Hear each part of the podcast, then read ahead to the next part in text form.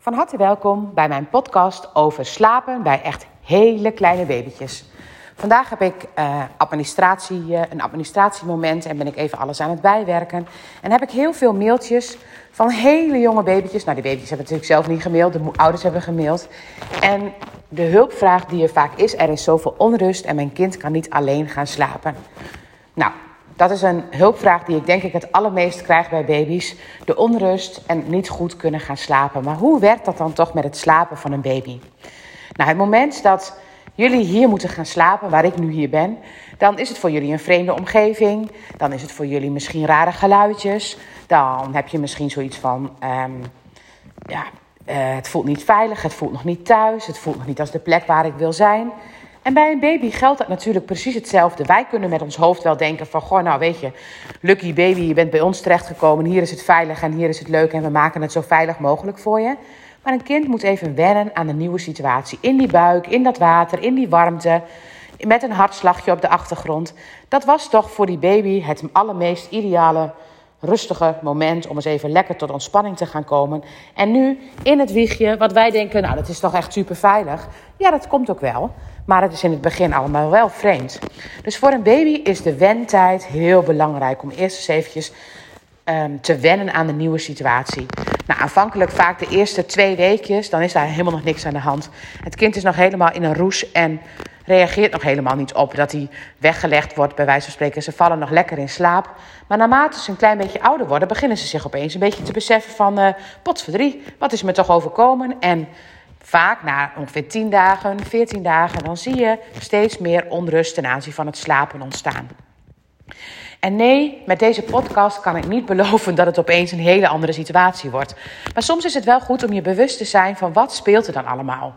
Nou, stel je nou eens even voor, jullie moeten hier gaan slapen waar ik nu ben. Jullie zijn vreemd en um, er zijn rare geluidjes. De wind waait op dit moment rond het huis. Je hoort misschien een auto rijden. Allemaal geluiden die je nog niet kent. Hoe voelt het dan voor jou? Ga je dan makkelijk overgeven aan de slaap of moet je eerst even wennen aan die geluidjes? Nou, ik weet zeker dat je eerst even moet wennen aan die geluidjes. En is dat erg? Nee. Als je daaraan went, dan is dat prima. Als je maar weet dat het allemaal goed komt, of als ik je misschien geruststel dat het allemaal wel goed komt, dan is dat allemaal oké. Nou, het moment dat ik bijvoorbeeld hier dan, jij ligt te slapen en ik wil heel graag dat jij gaat slapen, dan ben ik naast dat ik als ik dan even jouw moeder ben, zeg maar, even moeder ben, ben ik ook iemand die op dat moment iets van jou wil en een bepaalde onveiligheid creëert. Dus het is belangrijk om voor jezelf te besluiten dat zo'n kind mag wennen, dat zo'n kind misschien eerst nog even niet slaapt. En heel vaak wordt er, nou dat hoor ik ook heel veel van moeders weer terug, dan wordt er bijvoorbeeld in appgroepjes met elkaar overlegd. En slaapt jouw kind al door en kan jouw kind zelf in slaap vallen? Weet je, dat is helemaal niet belangrijk. Eigenlijk vind ik het het allermooiste als een kind zich helemaal veilig voelt. En dat we dus proberen om ons kind vooral veilig te laten voelen. Nou, hoe kun je je kind veilig laten voelen? wij denken soms dat het dan het belangrijkste is om je kind de hele dag bij je te gaan houden. Want ja, dat vinden ze wel het veiligst. Dat klopt. Alleen, ik weet niet hoe het met jou is, maar als ik een baby de hele dag bij me zou moeten dragen, dan ben ik op een gegeven moment geen Willemijn meer. Daar word ik echt helemaal na van. En als ik geen Willemijn meer ben, als moeder, dus ik ben moeder Willemijn en ik voel me niet meer helemaal Willemijn, ik word daar helemaal na van, dan ben ik voor mijn kind een onveilige factor. Oftewel, selfcare, voor mijzelf zorgen, is heel belangrijk in het veilig voelen als moeder. Want als ik voor mijzelf kan zorgen, heb ik een bepaalde ontlastingen en een bepaalde nou ja, dan voel ik mij fijn. En als ik mij fijn voel, dan kan de baby automatisch zich veilig voelen bij mij. Want stel je voor, ik zou hier nu zijn en je moet in slaap vallen. En je, nou, ik ben wel bekend voor je. Maar uiteindelijk zeg maar, voel je je voel je gewoon als ik onrust in mijn systeem heb, dan voel je dat als mens bij mij. En dan ga je automatisch op je kwief zijn en dan ga je automatisch wakker zijn. Dus selfcare als moeder is super essentieel. En selfcare als vader is ook echt heel belangrijk. En wat we heel vaak doen na zo'n bevalling, dan willen we eigenlijk wel zo snel mogelijk weer stoer en weer op de been zijn. Ik zeg het niet voor niks, want ik doe het zelf, heb ik het ook gedaan. Maar is dat de manier waarop we daar moeten, zouden moeten zijn? Of is misschien een moment van rust geven aan jezelf. Misschien even niet zoveel visite. Misschien even echt voelen wat jij wil. Misschien even slapen zomaar middags om vier uur.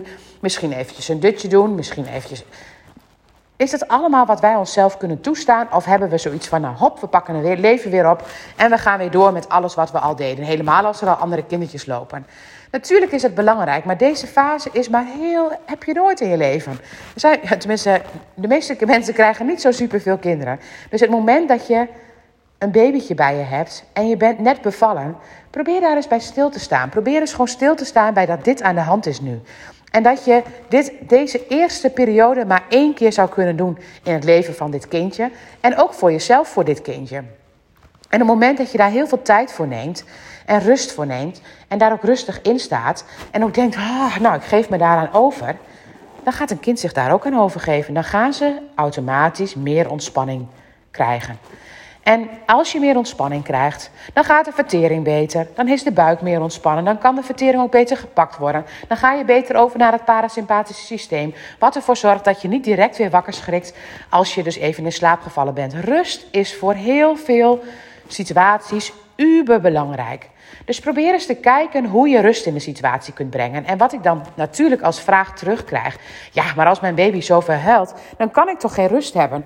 Nee, dat klopt. Maar waarom huilt je baby dan zoveel?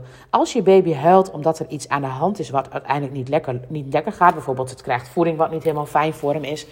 Dan alsnog is het voor een kind belangrijk om een bepaalde rust te bewaren.